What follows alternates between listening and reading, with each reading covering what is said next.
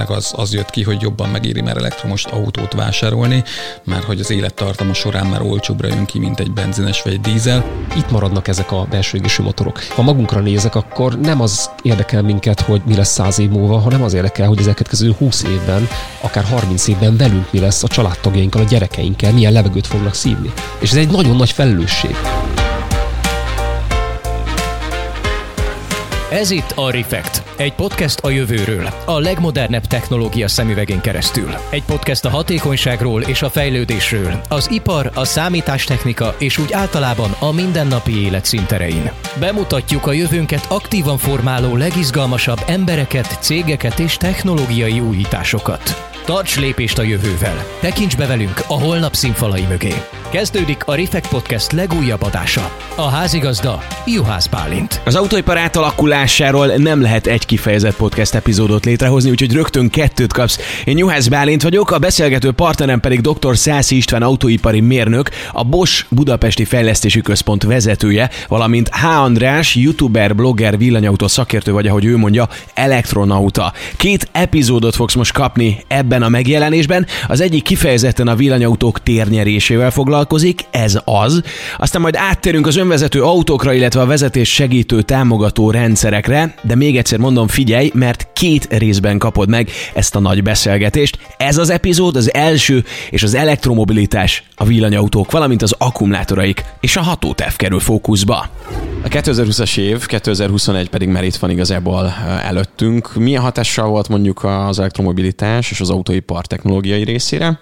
illetve milyen hatással volt mondjuk a civilek életére, vagy volt-e kihatással, változott-e bármiféle hozzáállás. Azért kérdezem ezt COVID szempontból, mert rájöttünk arra, hogy ha lezárások vannak, akkor nincs büdös a városba, kitisztul a levegő, és az emberek elgondolkodtak azzal kapcsolatban, hogy újra megismerték a természetet, újra kimentek nagy sétákat venni. Én is begyalogoltam fél Budapestet, amikor lehetett, hogy mondjuk környezetvédelem, e mobilitás szempontból tettünk egy lépést előre. Rövid távon egészen biztosan, tehát hogyha hetekben, napokban, hetekben vagy hónapokban mérjük, de hosszú távon nem. Tehát hosszú távon itt nem volt technológiai váltás. Tehát az, hogy az emberek otthon maradtak és nem mozdultak ki, vagy kevesebbet mozdultunk ki, és ezáltal akár a kínai városokban is, de akár Európában mondjuk tisztább lett a levegő, ez úgy érezhető, de abban a pillanatban, hogy a COVID, látjuk egyébként, hogy ez nyáron megtörtént, tulajdonképpen az emberek egy picit lazítanak, az emberek még több helyre mennek, elmennek kirándulni, abban a pillanatban gyakorlatilag visszáll a környezetszennyezésnek az a foka, ahol előtte jártunk. Tehát ehhez technológiai válaszok kellenek, és hosszú távú válaszok kellenek ezekre a kérdésekre visszadolgozzuk azt, amit akkor megnyertünk. Egyébként tényleg megdöbbentő volt látni, hogy egy hét alatt teljesen tiszt lett Budapest levegője. Én imádtam egyébként, én kijártam, akkor építkeztem Csobánkára. Egyrészt nem volt nagy forgalom, az nagyon jó volt, és oda lehetett menni, meg dolgozni lehetett menni, és, és hát nagyon tiszta volt a levegő. Én ezért dolgozom egyébként, hogy ha majd egyszer csak elektromos autók lesznek, vagy alternatív üzemanyagokkal meghajtott autók, akkor, akkor sokkal, sokkal tisztább lenne a város levegője. Nem teljesen, hiszen a szállópor az akkor is meg lenne, meg a gumik is kopnak, meg egy csomó minden, de, de azért azt gondolom, hogy hát én annó a taxi sztrájk idején éltem már, gyerek voltam, és hogy ott is nem mentek az autók, és három nap alatt tiszt lett Budapest levegője ugye a Bosnak, mint technológiai cégnek az a fontos, hogy ne csak három napig legyen tiszta a levegő, vagy ne csak két hónapig, vagy három hónapig, hanem gyakorlatilag legyen egy, egy technológiai váltás.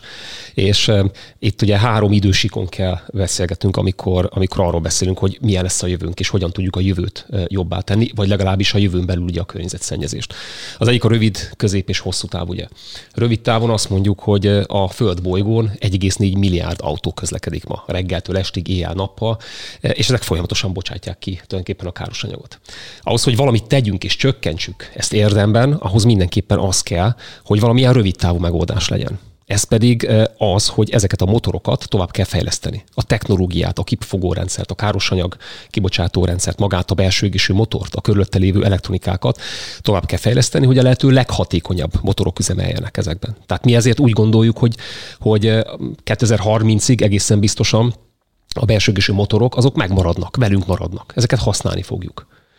Középtávon hiszünk abban, hogy a, a szintetikus üzemanyag jelenthet megoldást, ahol vízbontással hidrogént állítunk elő, ráadásul, hogyha ezt megújuló energiával tesszük, akkor ez egy zöld hidrogén lesz, majd a levegőben lévő, egyébként a belső égésű motorok által kibocsátott széndiokszidot, azt a hidrogénnel e, egyesítjük, és ebben egy üzemanyag jön létre, amit felhasználunk ezeknek a belső égésű motoroknak a meghajtására. Tehát egy, egy körben tulajdonképpen a kibocsátott széndiokszidot azt visszaforgatjuk. És hosszú távon kell e, látnunk azt a technológiai váltást, ahol szép lassan ezeket a belső motorokat lecseréljük majd tisztán elektromos hajtásra, és vagy mellett esetleg a hibrid hajtás is megmarad. Ez a hidrogénhajtás most egyre népszerűbb, így az elmúlt napokban rengeteg hír jött velem szembe, sőt most meg is jelent azt hiszem az egyik korai gyártónak egy új autója, itt a hazai piacra is betöri, ami, ami hidrogénnel van hajtva. Tehát ez lehet most így a konnektor után a következő olyan, ami szélesebb körbe elterjed?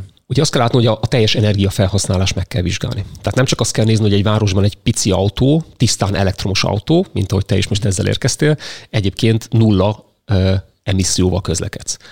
De az a kérdés, hogy az elektromos áram, amivel te feltöltöd az akkumulátort, az honnan származik. Én pont napelemről töltöm, úgyhogy, de ha ez, ez, ez megújuló, egy jó kérdés. Ha ez megújuló energia, akkor ez legalábbis egy városi közlekedésben, hogyha egy ilyen pici autót veszünk, ez egy megoldás lehet. Azonban akkor, hogyha mondjuk ezt szénerőművel állítanánk elő ezt a villamos energiát, majd azzal töltenénk ezt az autót, akkor egy pillanatig sem vagyunk előrébb a technológiaváltásban. Erre oda kell figyelnünk. Hát valamivel jobb a helyzet még akkor is, hogy a szénerőműről töltünk, de a magyar energia mixel mindenképpen zöldebb egy akkumulátoros autó az élettartama során. Ugye a hidrogénnel nekem egyébként az, az egy bajom van, hogy az nagyon jól hangzik elsőre, de a hidrogént is elektromos áram felhasználásával állítjuk elő többnyire. És Ezért... ezt ezért hívjuk zöld hidrogénnek, hogyha ezt csak... megújuló energiával tesszük, akkor már eleve zöld hidrogén áll elő, és a hidrogénnek azért több, vagy a hidrogén hajtású, hívjuk ezt üzemanyagcellának, hiszen erről van szó, egy üzemanyagcella, ahol tulajdonképpen hidrogén segítségével, mint, mint üzemanyag, hívjuk ezt üzemanyagnak segítségével tulajdonképpen elektromos áramot állítunk elő, és utána az elektromos árammal pedig hajtjuk a, az autót. Tulajdonképpen a hidrogén, mint olyan, az alkalmazkodik a, a hétköznapi szokásunkhoz olyan, olyan módon, hogyha bemegyünk a, a, a, mondjuk az autóval tankolni, akkor körülbelül 3-4 perc alatt, 5 perc alatt fizetéssel együtt meg tudjuk tankolni az autónkat. Ha hidrogénnal töltjük majd az autót, akkor erre lehetőség lesz. Tehát ezt a fajta e, fogyasztói szokást továbbra is ki tudjuk elégíteni nem pedig arról van szó, hogy mondjuk viszonylag hosszabb ideig kell majd a jelenlegi akkumulátor technológiák mellett megállnunk, pihennünk, töltenünk és megtervezni azt az utat, hogyha mondjuk egy nem csak néhány száz kilométert megyünk, hanem akár több ezer kilométer. A hidrogénnal, az üzemanyagcellával az sokkal könnyebbé válik. És ugyanakkor viszont az üzemanyagcellával abban is van egyébként egy akkumulátor, tehát az akkumulátort töltjük ott is, tulajdonképpen sokkal nagyobb távolságokat tudunk megtenni és az alkalmazás is szélesebb körben elterjeszthető. Tehát nem csak mondjuk városi közlekedésben az általad említett mondjuk kis autó lehet hidrogénhajtású vagy üzemanyagcellás hajtású, hanem például az Egyesült Államokban nagyobb távolságoknál eh, logisztikai feladatok ellátására kamionokat lehet felszerelni ilyen technológiával. És azért ez egy nagyon nagy előny. Amit ellenkező esetben mondjuk akkumulátorval, legalábbis az akkumulátor jelenlegi technológiája mellett nagyon-nagyon nehéz lenne megoldani. De az elektromos, az elektromosság, illetve az akkumulátor technológia együtt fejlődik. Tehát a, most volt nemrég a Tesla-nak a Battery day és ott azért elég komoly bejelentések voltak, és a hidrogénnel nekem mindig az a bajom, hogy tök jó lenne, hogyha működne, de azért nem működik még most se, hiszen Magyarországon egyetlen hidrogénkút sincsen még, mert elektromos árammal bontjuk a vizet, abból lesz hidrogén, a hidrogént, hidrogénből csinálunk megint elektromos áramot, azt beletesszük egy akkumulátorba, és az akkumulátor hajt egy villanymotort, és hogy alapvetően hatékonyság szempontjából ez sokkal rosszabb, mint hogy mondjuk a tetőmön megtermelt elektromos áramot egyenesen beletöltöm egy akkumulátorba. Itt inkább szerintem az a kérdés, hogy lesz elég akkumulátor, és hogy a a következő 5-10-20-30 évben mekkora fejlődésen fog átesni az akkumulátor technológia, mert akkor lehet, hogy a személyautókban tökéletesek lesznek azok az akkumulátorok majd, a hidrogén meg mehet a tankerhajókba, a kamionokba. Nem, ezt szerintem nem tudja még senki, nem, nem látszik pontosan előre, hogy, hogy mi fog történni. Hogyha Elon Musknak lehet hinni, akkor, akkor azért 3-4-5 év múlva egy ilyen 20-30 százalékkal olcsóbbak lesznek az akkumulátorok, és nő annyit a hatékonyság, és az, az meg nyilván segíteni fog. Így van, és ezzel pontosan ráerősítettél arra a technológiai diverzitásra, amiben mi hiszünk a Bosnál. Hiszen, amit az elején is mondtam, nem hiszünk abban, hogy egyik pillanatról a másikra le lehet cserélni a flottát. Persze. Legyen ez tisztán Esélytelen. elektromos, bármennyire is fejlesztik az akkumulátor technológiákat, ez képtelenség. Tehát, hogy a 100 millió gyártott járművet veszünk egy évben, ami, ami most azért nem adott, tehát a válság miatt és a visszaesés miatt ugye tudjuk, hogy kevesebb járművet gyártunk egy évben, akkor is 14 év kellene ahhoz, hogy 1,4 milliárd járművet le tudjunk cserélni. Ezt nem lehet egyik lépésről a másikra lecserélni. Én 50 évet szoktam mondani, hogy kb. az, hogy az összes autót a Földön, ami most mozog, meg az újak, az mind, mind megújulóból tölthető legyen, most mindegy, hogy hidrogén vagy elektromos áram, vagy akármi más, fúziós reaktor, nem tudom. Tehát hogy ez az 50 év szerintem. Nagyon jó. Tehát megérkeztünk ahhoz a kérdéshez, hogy mit csinálunk az elkövetkező 50 évben. A válasz pedig az, hogy amit mondtam, rövid, közép, hosszú táv. Tehát muszáj továbbfejleszteni a meglévő technológiákat. Ezért mi ebben a technológiai diverzitásban hiszünk, hogy együtt fog élni a belső égésű motorok továbbfejlesztett változatai, ezt tiszta dízelnek is hívjuk a boson belül, ott lesz az elektromos hajtáslánc, amely lehet egyrésztről tisztán battery electric vehicle, vagy lehet üzemanyagcellás jármű, és ezek együtt fognak megjelenni. És mellette az üzemanyag a megújuló energiából származó szintetikus üzemanyag. Ezek jelentenek megoldás hosszú távon az elkövetkező 50 évben a környezetszennyezésre. Tudsz egy kis titkot elárulni, hogy melyik áll a legközelebb, vagy melyik áll a legjobb fejlesztési állapotában, melyik lesz az, ami mondjuk 30 év múlva, 40 év múlva a számottevő legfontosabb, legtöbbek által használt ilyen módszer lesz? Ugye, hogyha 40-50 évre előre megyünk, akkor az nem kérdés, hogy a a hajtásláncban a tisztán elektromos hajtáslánc lesz a mérvadó. De addig a 40-50 évig, és hogyha a kérdést úgy fogalmazzuk meg, hogy és ez nem is üzleti titok, hogy hogy milyen fázisban vannak ezek a fejlesztések, akkor nyilván mögöttünk a boson belül a klasszikus belső motorok és ahhoz kapcsolódó elektronikák, ami a fogyasztásra, a károsanyag kibocsátásra vonatkozik, ehhez kapcsolódó know-how, az azért több évtizedre tehető vissza. Tehát ezeket továbbfejleszteni, hatékonyabbá tenni, azt mondom, hogy a meglévő tapasztalat, több évtizedes tapasztalat alapján véhetően egy picit könnyebb. Az új technológiákkal semmi gond nincs, ezekben rengeteget investál a Bosch az elektromobilitás jegyében. El kell érnünk azt, hogy ezek a technológiák, ezek kifornak, és ezek a technológiák, ezek annyira olcsóvá válnak majd, hogy a, a vásárló szempontjából megfizethető technológia lesz. Mert nem vagyunk előrébb egy lépés sem, hogyha azt mondjuk, hogy egy hidrogéncellás, egy üzemanyagcellás autó ma kétszer annyiba kerül mondjuk, vagy egy kamion, mint egy konvencionális belső égésű motorral rendelkező autó. Erre nem lesz kereslet akkor. Ezt az emberek nem fogják megfizetni. Tehát a mi szerepünk, mint technológiai cégnek az, és a mi felelősségünk, hogy ezeket a technológiákat olyan mértékbe vigyük szériagyártásba és a piacba, és olyan volumen tudjunk elérni, ami megfizethetővé teszi az emberek számára, és hát a gyártók számára is a beépítés az megfizethető lesz, és ezáltal az eladhatás, vagy az eladás az megfizethető lesz. Úgyhogy a kérdésre röviden válaszolva, igen, ez egy átmenet, egy folyamat. Ma valahol állunk, a meglévő tudást használjuk részben, részben pedig új technológiákba investálunk, azért, hogy majd ezek az új technológiák, ezek felváltsák lépésről lépésre a meglévő technológiát ha már ilyen titkokat kérdezgetünk, akkor Szilárd testes ti hogy látjátok, hol tartanak, vagy mikor lehet belőlük valóság? Mert hogy létezik laboratóriumban, sőt katonaság már használja, úgy tudom, meg buszokban is hallottam már, hogy használják, és, és a Porsche és mérnökkel beszélgettem, ő azt mondta, hogy az lesz a Szent Grál, hogyha a Szilárd testes tud terjedni, meg tudják gyártani. Mikorra jósoljátok nekem? Három év azt mondták, hogy öt év, de azt, azt már látjuk, hogy nem. Bevallom szintén ehhez nem tudok hozzátenni technológiailag. A Bosch-nak nincsenek ilyen technológiai nem fejlesztései. Nem látunk bele, tehát a, a, a, az akkumulátor fejlesztésben a Bosch nincs ott. Én magam sem vagyok szakmailag benne az akkumulátor technológiákban. Mi is várjuk egyébként a piacon azokat a cégeket, akik ezeknek a, az akkumulátoroknak a fejlesztésével foglalkoznak, hiszen mi a hajtáslánc oldaláról közelítjük meg ezt a kérdést. Tehát nekünk is az, az érdekünk, hogy egységnyi akkumulátorból, most az egységnyit ne definiáljuk, tulajdonképpen minél több energiát tudjunk kivenni, minél tovább tudjuk azt a hajtásláncot meghajtani, amit az autókba bele, beleépítünk. Meg akár a fűnyíróba. Meg akár a fűnyíróba egyébként, igen, vagy a fúrógép, ugye, vagy a porszívó. Amit Minden szintén, Bosch egyébként. amit, amit otthon használunk, és, és az én porszívóm is gyakorlatilag egy a 40-45 percet tud felt, egy feltöltéssel tulajdonképpen kibírni, úgyhogy az pont elég arra, hogy kitakarítsak, és, és utána a másik akupekket ráteszem a töltőre, és feltöltöm. És két aksival le tudom nyírni pont Igen. a kertet. De, de hát ugye öt, öt év múlva szerintem az egy aksi, ott lesz Igen. az energiasűrűség, reméljük. Vagy egy napelemes drón. Vagy igen, az is. De, de a napelem, én azt gondolom, nagyon sokszor megkapom ezt a kérdést a videóim alatt, hogy hát miért nem tesznek az elektromos autók tetejére napelemet, ez ilyen leggyakoribb a turbina mellett, meg a generátor mellett, hogy majd ez tölti menet közben, de ugye az örök mozgó lenne, tehát azt megtanultuk, hogy nem létezik.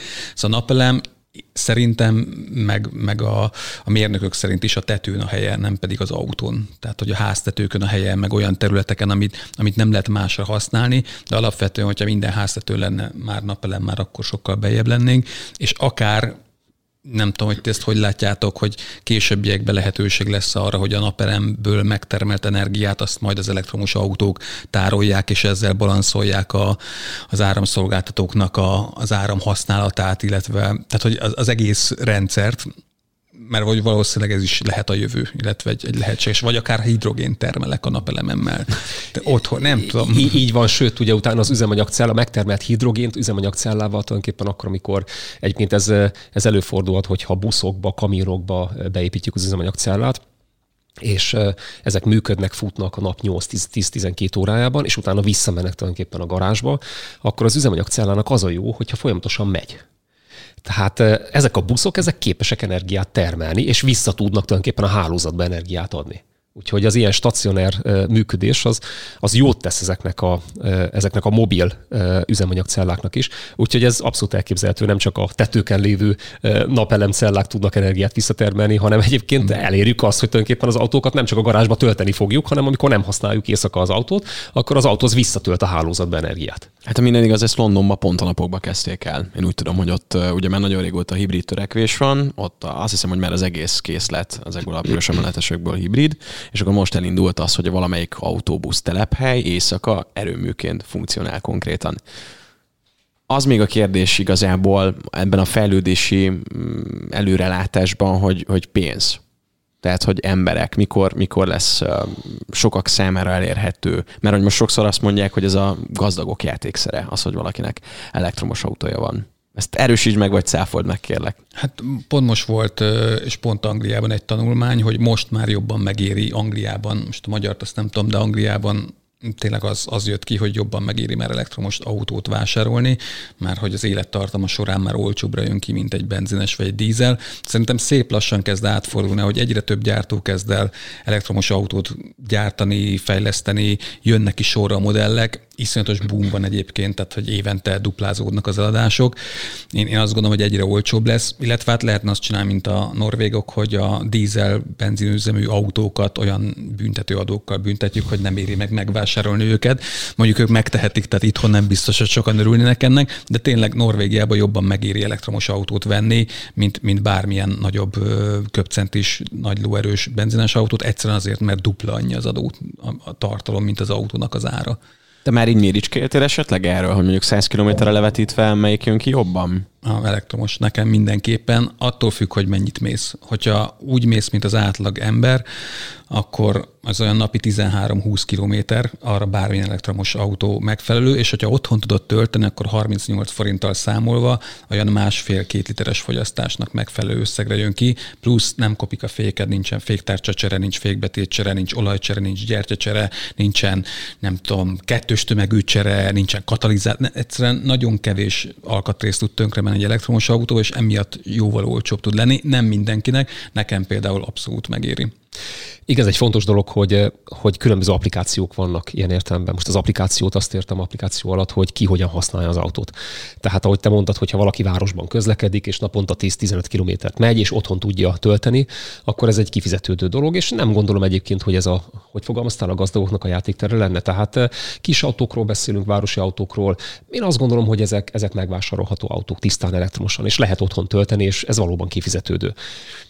Hogyha ezt levetítjük mondjuk egy, egy olyan töltőállomásra, ami egy utcán lévő töltőállomás, akkor ott azért a, a, a, a kilowatt óra ár az kijöhet 100 forint nagyságrendbe is, tehát a 38 forint helyett már eleve 100 forinttal töltöm, ha valahol parkolok. Ingyen parkolok a töltés során, de ha parkolás alatt tölteni szeretném az autómat, akkor gyakorlatilag már 100 forint kilowatt óránként az, amit bele tankolok, idézelbe. És hogyha egy hibridről beszélünk, akkor nem olyan sok kilométer tudok megtenni egy ilyen, attól függ, az én autóban egy 25 kilowattos akkumulátor van, és ezzel egy olyan 70-80 kilométert lehet megtenni. Ez nyilván függ az időjárástól, hőmérséklettől, használattól, városi közlekedés, autópálya közlekedés, stb. És innentől kezdve gyakorlatilag az elektromos ugyan olcsóbb, mint hogyha egy kilométerre vetített fajlagos költség, mint a benzinnel való meghajtás, de nem olyan nagy már a különbség. Főleg, hogyha ezt utcán 100 forint per kilovattóránként töltöm fel. Azt mondhatom, hogy paradigmaváltás az elektromos autózás, nem? Mert hogy mondjam, sokkal jobban meg kell tervezni. Tehát, hogy itt, itt nem az van, hogy megtankolom az autót, aztán megyek csá, ha elromlik, elviszem szervizbe csá, hanem az van, hogy itt ki kell találnod, hogy hogy jutsz el, mit tudom én, bajára, vagy hogy mész le Nagykanisára, vagy mit csinálsz akkor, amikor töltöd az is fura, hogy a benzinkúton töltöd az autót, vagy ott állsz meg elektromos áramot beletölteni. Én tovább megyek. Az emberek többsége nem biztos, hogy Bajára utazik Budapestről, hanem lehet, hogy a horvát tengerpartra. Nagyon sokan vannak, jó magamat is beleértve, akik mondjuk akár üzleti utakból nem a repülőre ülök fel, hanem azt mondom, hogy beülök az autóba, és szeretnék mondjuk Németországba, Stuttgartba kiutazni, ami egy, egy napi távolság. Tehát nagyjából 800-900 kilométer, egy nap beül az ember, ebéddel, reggelivel kényelmesen le tudja vezetni. Ez egy kérdés, hogy hogyan tudom megtenni a mai, hangsúlyozom, a mai elektromos autókkal, a mai akkumulátor technológiával.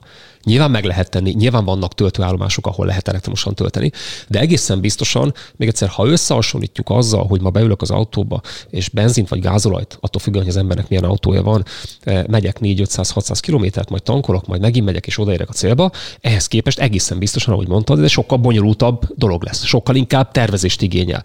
Arról nem beszélve, hogyha hiába megtervezem otthon az íróasztalnál azt, hogy mondjuk 400 eh, kilométerre később lévő eh, töltőállomáshoz szeretném feltölteni az az akkumulátort, hogyha előttem vannak hárman. És mindenki csak 20-30 percig szeretné tölteni azt a, az autót, akkor onnantól kezdve másfél óra múlva fogok csak sorra kerülni az én autómmal, és én nem másfél óra múlva szerettem volna feltölteni az autómat, hanem mondjuk 20 perc szembelül föl szerettem volna. Nincs ilyen. Életed legtanulságosabb ilyenje? Nincs, nincs ilyen szerintem. Tehát nagyon-nagyon ritka az, hogy egy töltőnél várni kell, főleg mióta fizetősek lettek egyébként, amit én abszolút támogatok. A, attól függ, hogy milyen autóról beszélünk, hogyha például egy Teslád van, akkor abszolút nem probléma akár Londonba kiugrani. Tehát nem sokkal tart tovább az út. Németországból egyszer jöttünk haza, 1100, nem, 1000 kilométert jöttünk 11 óra alatt. Ezt egy benzines autóról is körülbelül ennyi idő alatt lehet teljesíteni. Hogyha hogyha mondjuk egy Volkswagen ID3-mal mész majd, akkor az Ionity töltőhálózaton, vagy akár a Nexti töltőhálózaton, amit az EU fejleszt, a MOL, meg mindenféle konzorciumok vannak benne, Nissan, BMW, egy csomóan benne, szerintem Bosch is benne van valamelyikben. Szóval ezeken a gyors, ultragyors töltőkön most már tényleg egy kávét megiszol, és mehetsz tovább, mert nem, nem nulláról százra töltesz, hanem mondjuk 20-ról 80-ra, és akkor mész egy 250 kilométeres vagy 300 kilométeres etapot. Tehát annyira nem vészes, nyilván valamennyire kompromisszum, de nekem olyan még általában ne, nem volt igazából soha, hogy, hogy a kocsira vártam volna, mert nem tudtuk annyidat megenni a, az ebédet, vagy meginni a kávét, hogy, hogy, hogy már a, a kocsi ne végzett volna korábban. Hogyha mondjuk a Zoéval vágnék neki, ez igaz, mondjuk Stuttgartnak, hát ez eltartana egy darabig, főleg, hogy az enyémben villámtöltő sincsen, csak AC, de ez nem is arra van ez az autó.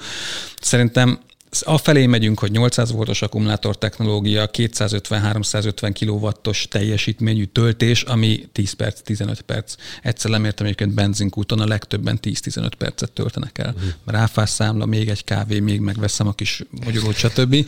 Nyilván elismerem most még kompromisszum az elektromos autózás, de én mindig azt mondom, hogy most az vásároljon, aki otthon tud tölteni, és és úgy közlekedik vele, mint az átlag, tehát nem naponta 500-600 kilométert kell megtennie. Abszolút minden egyetértek, nehogy az a érzés ébredjen itt bárkiben, hogy én nem vagyok az elektromos autózásnak a híve.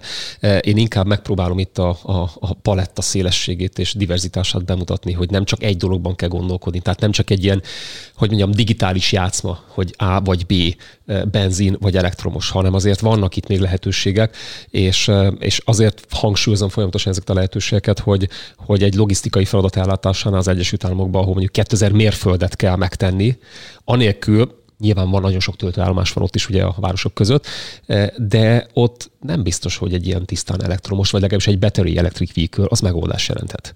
Ott még egyszer mondom, ha vagy a konvencionális technológiát vesszük, ami ugye egy dízel, ami egy tiszta dízel lehet, egy szintetikus üzemanyaggal, vagy egy üzemanyagcellás megoldás. Ezek ott lehetnek megoldások.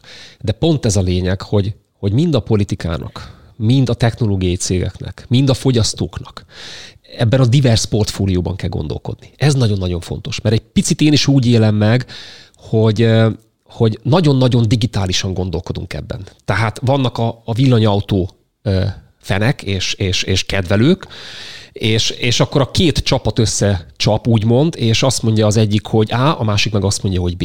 Ez nem jó. Ez nem jó, mert látni kell, amit elmondtam számokat, hogy ez még itt marad az életünkben, itt maradnak ezek a belső égésű motorok.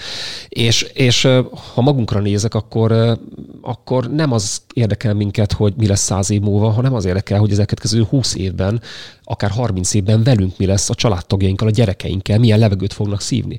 És ez egy nagyon nagy felelősség a, a politikának, a döntéshozóknak, a törvényalkotóknak és a technológiai cégeknek. Tehát ezt nem lehet figyelmen ki. Ez nem egy, egy fogyasztói vita, hogy ki miben hisz. Ez egy konszenzusos vita kell, hogy legyen, egy dialógus kell, hogy legyen, hogy az emberek az asztalnál a különböző stakeholderek megvitatják a lehetőségeket. És mindenki, az a jó ebben az egészben, hogy mindenki egy csónakban ül. Tehát mindenkinek az az érdeke, hogy jobb legyen a levegő. Ebben az a szép. Tehát bárki bármi mellett voksol, a nap végén mindenki ugyanarról beszél, és mindenki ugyanazt szeretné elérni. És ami még nagyon fontos szerintem, hogy a, az autózás az csak egy 16%-os szelete a globális CO2 és egyéb szennyezés problémáknak. Tehát ezt egyébként nagyon sokan szokták mondani, hogy az autózás nem oldja meg a Földnek a problémáját, hogy én meg mindig azt mondom, hogy de hogy az is megoldja. Tehát, hogy mindennel kell foglalkozni, a szénerőműveket be kell zárni, megújuló energiákra át kell állni, a műanyagot el kell tüntetni, de nem, nem kell műanyag szívószáz, zacskó, stb. Tehát, de az autózáson belül is ott vannak a személyautók, a teherszállítás, a fuvarozás, a repülés, ezekre még nincsen megoldás, és, de ez, ez mind összeadva, ezen, ezen kell dolgozni dolgozni szerintem. Az autózás az egy szeletein. Így van. Meg te is valószínűleg ebbe vagyunk leginkább érdekeltek. Fordítottál már meg dízelőrültet? Tehát aki... Persze. Persze sokat. Hogy sikerül, vagy? Nem tudom, szerintem, mint ahogy az előbb is mondtam, én tényleg azoknak a saját példámon keresztül mutatom be az elektromos autózást, hogy nézzétek meg, nekem egyébként egy V6-os kompresszoros Jaguárom volt előtte, még a régi szép idők, és amint lett olyan elektromos autó, amire azt mondtam, hogy ez az én igényeimet kiszolgálja, eladtam a Jaguárt, és, és megvettem az elektromos autót, mert úgy voltam vele, hogy teljesen feleslegesen égetem el a pénzemet, annyira nem nagy szórakozás, ettől nem leszek boldogabb, hogy egy V6-os duruzsal alattam, ok, tök jó, meg minden elismer, én is szeretem a V8-at, meg ez nagyon jó, de ennek már vége. Tehát lassan már, már be fogják tiltani ezeket a benzinmotorokat, dízelmotorokat, külföldön lesznek olyan városrészek, ahova nem hajthatsz be, lehet, hogy majd Budapesten is lesz ilyen az ötödik kerületben mondjuk nem mehetsz be, és úgy voltam vele, hogy, hogy az elektromos autó, ez van egy csomó előnye. Például, hogy oké, okay, hosszú távon lehet, hogy kompromisszum, viszont minden reggel teli tankkal indulok, hogyha akarok. Igen. Mert Igen. a tetőmről töltöm az autót, vagy éjszaka feltöltöm akár, hogyha nem napelemmel töltöd, akkor éjszaka rádugod, reggelre mindig teletankkal indulsz, nem kell benzinkútra menned. Ott van a tudat, hogy nem szennyezed a környezetedet. Aki mögöttem jön, az mindig jól jár. Én mondjuk nem, mert ugye előttem pont egy dízel vagy benzines megy, de van, amikor elektromos autó megy előttem, és az olyan jó érzés. Illetve azért az elektromos autónak van egy csomó vitathatatlan előnye, nyomaték, tehát ugye látjuk, hogy gyorsulásban most már az elektromos autók már mindent vernek. A, az ID-nek van ugye a versenyautó, amivel az összes rekordot döntögetik, meg a Nordschleife-től kezdve Pike Peaks, meg, meg mindent. Tehát az elektromos autó, hogyha valaki kipróbálja, szerintem nagyon könnyen rá lehet szokni, és azt lehet mondani, hogy nekem ez, ez kell. Jó, de a Váci úti srácok meg azt mondják, hogy hát de én érezni akarom az autót, hát az elektromos autó az nem autó.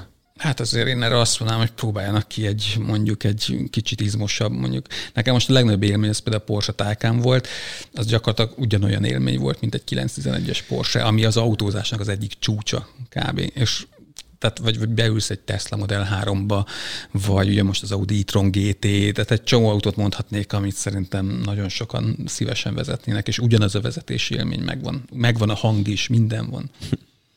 Az más hang, de igen, megvan a hang. Igen, igen. Máshonnan jön a hang, de, de alá tudom támasztani. Én magam is ültem egy 700 erős Teslába, és az egy fantasztikus élmény. Tehát a, az a nyomaték, amit ott átér az ember. Tehát nem értek egyet azzal, hogyha valaki azt mondja, hogy, hogy az nem vezetésélmény, fantasztikus vezetésélmény, és nyilván, hogyha az ember még tudja azt, hogy, hogy nem is szennyezi a környezetet, akkor, akkor ez egy még jobb érzés. Van olyan, hogy legjobb villanyautó? Mik azok a komponensek, amiből össze kell állnia. Akár így egy civil felhasználó felé, vagy akár technológiailag most, ahogy állunk. Fú, szerintem mindenkinek más. Nekem idén volt három elektromos autó, és ami nagyon tetszett, az egyik a Taycan volt, a másik például a Mazda, Na, a mazda az új elektromos autó, illetve a BMW mini elektromos, az zseniális volt, tehát tényleg egy ilyen gokárt érzés volt az egész. Szerintem mindenkinek más, valakinek a Tesla, valakinek a, nem tudom, valakinek a Zoe például, nőknek a Zoe azt, azt így látom, vagy pedig legyen jó nagy és SUV, mert hogy az a másik, amit nagyon szeretnek. Szerintem ez ilyen emberfüggő. E, igen, ez a, tehát a kérdés ugye úgy közelítetted meg a válaszodban, hogy, hogy a kinézetre, márkára. De szerintem van legjobb villanyautó, nem fogok most mondani márkát, az a legjobb, ami a leghatékonyabb. Tehát amiben az elektronika, az akkumulátorból kivett energiát a leghatékonyabban használjuk. Ez a legjobb villanyautó. Ízléstől, szintől, márkától, brandtől függetlenül. Mert a nap végén ez arról szól tulajdonképpen, hogy ha van egy akkumulátor, és abban tárolunk energiát, akkor abból a leghatékonyabban vegyük ki. És ebben a hajtásláncot muszáj optimalizálni, muszáj továbbfejleszteni, mert nagyon nem mindegy az, hogy az a hajtáslánc, ami beleépül az autóba, az mennyi energiát fogyaszt. És ilyen értelemben csak még nem foglalkoznak ugye ezzel a, a szakújságírók, vagy a, akik az autókat értékelik, hogy igen, meg kell nézni azt, hogy hogy a hajtásláncban lévő komponensek azok mennyire hatékonyak. És hogyha összehasonlítjuk mondjuk a belső motorok hatékonyságával, akkor nyilvánvalóan egy villanyautónak a hatékonysága sokkal nagyobb, de meg kell nézni a komplet energiatermelés előállításától a hatékonyságot, onnantól kezdve ugye, hogy hogy állítom elő az elektromos energiát, hányszor kell invertel, vagy konvertelnem a, a különböző feszültségszinteket, hogy jut el az energia odáig, hogy te a, tulajdonképpen a, ha nem a tetőről veszed ugye az elektromos áramot, hanem, hanem a, a konnektorból, akkor a, a grideken keresztül hogy jut el tulajdonképpen hozzá, és meg kell nézni ezt a hatékonyságot. És az a legjobb elektromos autó, ami ebben az egész láncban a leghatékonyabban használja a végén az energiát. Csak ez a fajta tudatosság még nem alakult ki az emberekben. Mert ugye ízlésről beszélünk, mert hogy hogy néz ki a karosszéria, hogy néz ki a brand, a márka, mi van mögötte. Ez tök jó, hát ebben élünk. Akár a telefon megnézzük, az autókat megnézzük, a ruhákat megnézzük. De valójában, ha ebből egy technológiai kérdést akarunk csinálni, akkor a technológiai kérdést azt így kell lefordítani. Csak most még ott tartunk, hogy azért nem foglalkoznak ezzel az emberek. Én sem nagyon megmondom őszintén, hogy most ennyi a veszteség, annyi a veszteség, ennyire hatékony, mert azt számogatjuk, hogy átszámítva másfél literes fogyasztással megyünk, vagy kettővel. Ami egyébként nagyon jelentős, de hogy a, a ami nekem volt mondjuk 10-16 literes fogyasztása a Jaguárnak, csak halkan mondom, itt a Vác úton azért rugdaltam neki, szóval ahhoz képest a másfél-két liter az semmi de, de alapvetően is azt gondolom, hogy a jövőben ez egyre fontosabb lesz. Lesz majd Bosch villanymotoros elektromos autó jövőbe? Az ilyen titok? Mindenképpen, mindenképpen, ez? mindenképpen. Dolgozunk a hajtásláncon. Ezt úgy hívják, hogy e-axle, ami egy kompakt elektromotorral, az áttét a hajtóművel és elektronikával együtt. És igen, igen, ez futnak már projektek, és ahol egy, kettő, vagy három, vagy négy villanymotoros rendszerek lesznek szerinted a jövőben? Mindenki más mond, azért én tök kíváncsi vagyok erre, hogy én azt gondolom, hogy a, a két-három villanymotoros rendszer lesz a leghatékonyabb, de lehet, hogy a négy, hogy minden kerékre teszünk egy kis villanymotort. Én, én azt gondolom, hogy ez egy picit talán olyan filozófiai kérdés is lesz, amit majd az OEM-ek, tehát az autógyártók is el szeretnének dönteni. Ha ma megnézzük a belső motoroknál, ugye a, a, a két kerékhajtású autók első vagy hátsó tenger, vagy a négy kerék meghajtású megvan az előnye, hátránya mindegyiknek. Én azt gondolom, hogy, hogy minimum szerintem a két motortól indulunk, tehát hogy négy kerékhajtású. Lehetnek ugyanúgy, mint egy sportautónál, az egy, az egy izgalmas dolog, hogy mind a négy kereket hajtom. Több lehetőségem hmm. van egyébként a hajtásnál, a, az autók stabilizálásánál, lássuk most az ESP-t. Tehát ott, ott ugye, hogyha kerekenként tudom hajtani, akkor ez egy másik járműdinamikai lehetőséget nyújt számunkra, hogyha megint csak a, a, a mondjuk nem csak a hajtáslánc oldaláról közöljük meg ezt a kérdést, hanem mondjuk az autók stabilitása, biztonság oldaláról. De én azt gondolom, hogy, hogy egy darabig ezt persze majd az OEM-ek megmondják, hogy ők hogyan szeretnék, de azt gondolom, hogy a, a két motoros hajtás, ami tulajdonképpen négy kereket hajt, tehát tengenkénti hajtás, az fog valószínűleg elterjedni. Bocsánat, vissza kell mennem az akkumulátorhoz, mert mondjuk egy elektromos autóról az jut eszembe, hogy iPhone gyorsan lemerül, akkor az elektromos autó is gyorsan lemerül. Mi az a hatótáv mondjuk, ami, ami egy átlag embernek, akár egy átlag magyar embernek egy ilyen ideális felhasználása lehet egy elektromos autónál. Tehát mi az, amit naponta el akar belőle menni, és akkor már jó neki. Ezer kilométer fórumokban mindig ez jön. Igen, én ezt úgy közelíteni meg ezt a kérdést, hogy ma mi az és ez nem magyar specifikus kérdés, tehát nem az, hogy magyar ember meg egy német ember mást akar. Ma ahhoz szoktunk hozzá, hogy kis autó, nagy autó ide vagy oda, de alapvetően valahol 600 kötőjel 1000 kilométerig tudunk menni, utazni egy autóval. Ez lehet attól függő, hogy benzin, dízel, kis autó, nagy autó, és autópályán megyünk, nem autópályán. Ugye? Tehát 600 kötőjel 1000 kilométer. Én azt gondolom, hogy ebbe a tartományba kell megérkeznünk.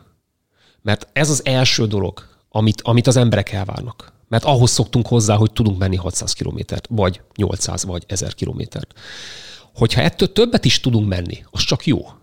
De utána viszont előtérbe kerül az a kérdés, hogy hogyan tudunk többet menni. Tehát a súly fogyasztásnak a kérdése, csak itt a fogyasztást ugye nem a benzin oldaláról kell megközelíteni, vagy a gázolaj oldaláról, hanem, hanem az elektromos energiafogyasztás szempontjából. Mert hogyha tudnánk menni mondjuk, játszunk ezzel a gondolattal, 2000 kilométert egy akkumulátor feltöltéssel, akkor felvetődik az a kérdés, hogy akarunk-e 2000 kilométert menni egy feltöltéssel. Mert hogyha ezt az akkumulátort meg tudnánk felezni, azaz kevesebb súlyt hordozna az autó, és csak 1000 kilométert menne a fele akkumulátorra, akkor ez még mindig kiválóan alkalmazkodna a mai fogyasztói szokásunkhoz. Ha megnézzük, tulajdonképpen ez történik a hibrid autóknál is, ahol a benzintankot azt alul, alul méretezték a klasszikus mondjuk volumenhez képest, azért, mert számoltak azzal, hogy amikor viszont tisztán elektromos üzemmódban működik egy hibrid, mint az én autóm is, akkor cipelni kell mondjuk annak a 60 liternek a súlyát. És hogyha azt egy 90 literes tartályra méretezem, azt az üzemanyag tartályt, akkor 30 kilóval többet kell cipelni. És az 30 kiló, az, annak a súlya, az a plusz 30 kiló, az igenis megjelenik az akkumulátornak az élet, illetve nem az élettartamában, hanem a hatótávolságában. Tehát, hogy előjönnek utána olyan tervezési kérdések, ami, ami függetlenül attól, hogy mennyit tudunk egy egy cipődoboz nagyságú akkumulátorból, vagy egy még nagyobb akkumulátorból kihozni, valószínű, hogy meg fogunk maradni szerintem egy darabig ennél a 600 kötőjel 1000 kilométernél, mert ez az, amihez hozzászoktunk. Így szeretnénk utazni, és ezzel el tudunk menni tulajdonképpen a Németországba, a horvát tengerpartra, Magyarországon belül a városok között tudunk utazni. Tehát én azt gondolom, hogy ha ezt már elérjük, akkor egy, egy nagy lépést tettünk előre. A jövő megoldja. Most, most körülbelül ott tartunk, hogy 100 kWh-nál nagyobb akupakot nem érdemes betenni az autókba, mert hogyha beteszel nagyobbat, akkor nem mész annyival messzebbre, hogy megérje, hiszen nő a súly, ezáltal csökken a hatékonyság, nő a fogyasztás. Tehát most valahol 100 kWh-nál tartunk, a, olyan három év múlva szerintem olyan 130 kWh-órát fognak tudni ugyanakkor a súlyban ezek az akupakok. A, a jövő évi Tesla Pledre 825 kilométeres hatótávot adtak meg az amerikai mérési szabvány szerint. Én azt gondolom, hogy azok az autók már minden körülmények között télen-nyáron autópályás tempónál fogják hozni az 5-600 kilométeres hatótávot, az 500-at biztosan. Most mi 400-at hoztunk ki a, a legutolsó Teslás utunkon, Németországból hazafelé, és én azt gondolom, hogy a legtöbb ember hogyha azt látja, hogy 500 kilométert meg tud tenni minden körülmények között, akkor nem fog gondolkozni azon, mert egyszer úgy is meg kell állni, tehát azért igen, így igen. vannak szükségletei az embernek, meg megéhezik az ember. Nagyon kevesen vannak azok, akik egy fenékkel ezer kilométert levezetnek. Én még sosem vezettem. Te vezettél már ezer kilométert? Én vezettem, igen, de nagyon fáradt voltam a végén. Én hét, nekem 700 volt a rekord egyszer, és már az nagyon rossz volt mennyire tartós mondjuk egy elektromos autó, mert a magyar ember általában használtan vesz autót nyugatról, bizonyára most az első körös, második körös elektromos autók is lassan lecserélődnek, megmerjem-e venni esetleg a használt elektromos autót? Vedd. ti, ti biztos többet tudtok az akkumulátoroknak a degradációjáról. Én azt látom, hogy az akkumulátort egy dolog öli meg a hőmérséklet, tehát hogyha így nagyon-nagyon felmelegíted az akkumulátort, akkor az kinyírja, illetve hogyha nagyon sokáig tárol teljesen lemerülve, vagy akár mondjuk teljesen föltöltve, az se tesz neki jót, de ez a normál használatban ez nincsen. Azoknál az autóknál látszik az, hogy az akkumulátor jelentősen romlik, ahol nincsen akkumulátor hűtés, fűtés. Nem akarok most márkát mondani, de sajnos vannak ilyenek még a régebbi elektromos autókból. Azoknál az autóknál, ahol van akkumulátor fűtés, illetve hűtés, ott nincsen jelentős degradáció. Eleve 8 év garanciát ad a legtöbb minden gyártó az akkumulátorokra, az azt jelenti, hogy 8 évig nem fog tönkrevenni, hiszen nem nagyon akarják ezt cserélgetni.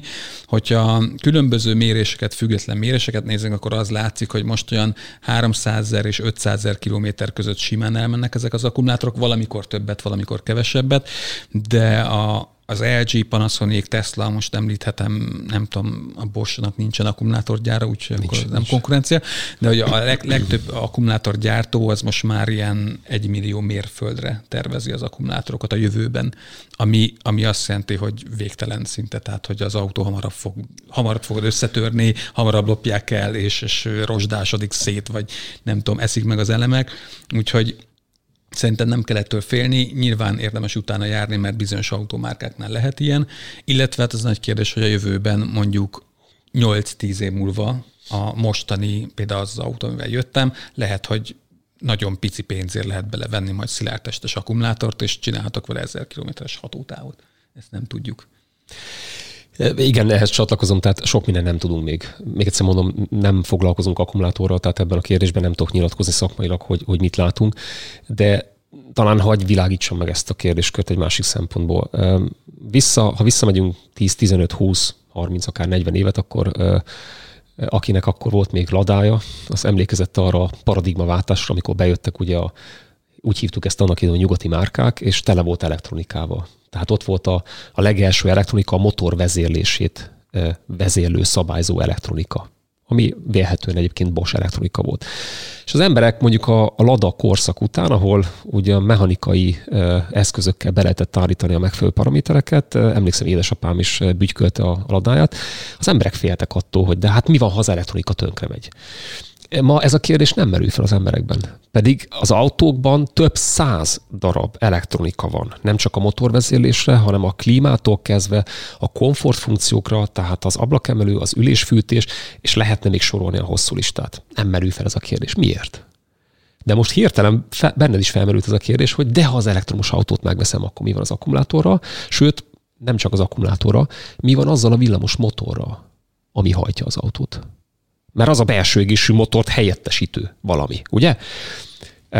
Ma nem beszélgetünk arról, hogy azzal a motor, ami a... Nyilván azt akarom ezzel mondani, hogy ezek kopó alkatrészek kopóforgó alkatrészek, hát nyilván az elektronika az nem kopóforgó alkatrész, az elektronika az is meghibásodik. Meghibásodhatnak ezek. Meghibásodik a telefonunk, meghibásodik az autónk és az autónkban lévő elektronika. De ettől én azt gondolom, hogyha nem azzal a kérdésekkel foglalkozunk, hogy ezek meghibásodhatnak. Tudom, hogy amikor be kell vinni a szervizbe, akkor az pénzbe kerül. Tudom. De hogy mit jelent az életünkben az, hogy az autóban ennyi elektronika van?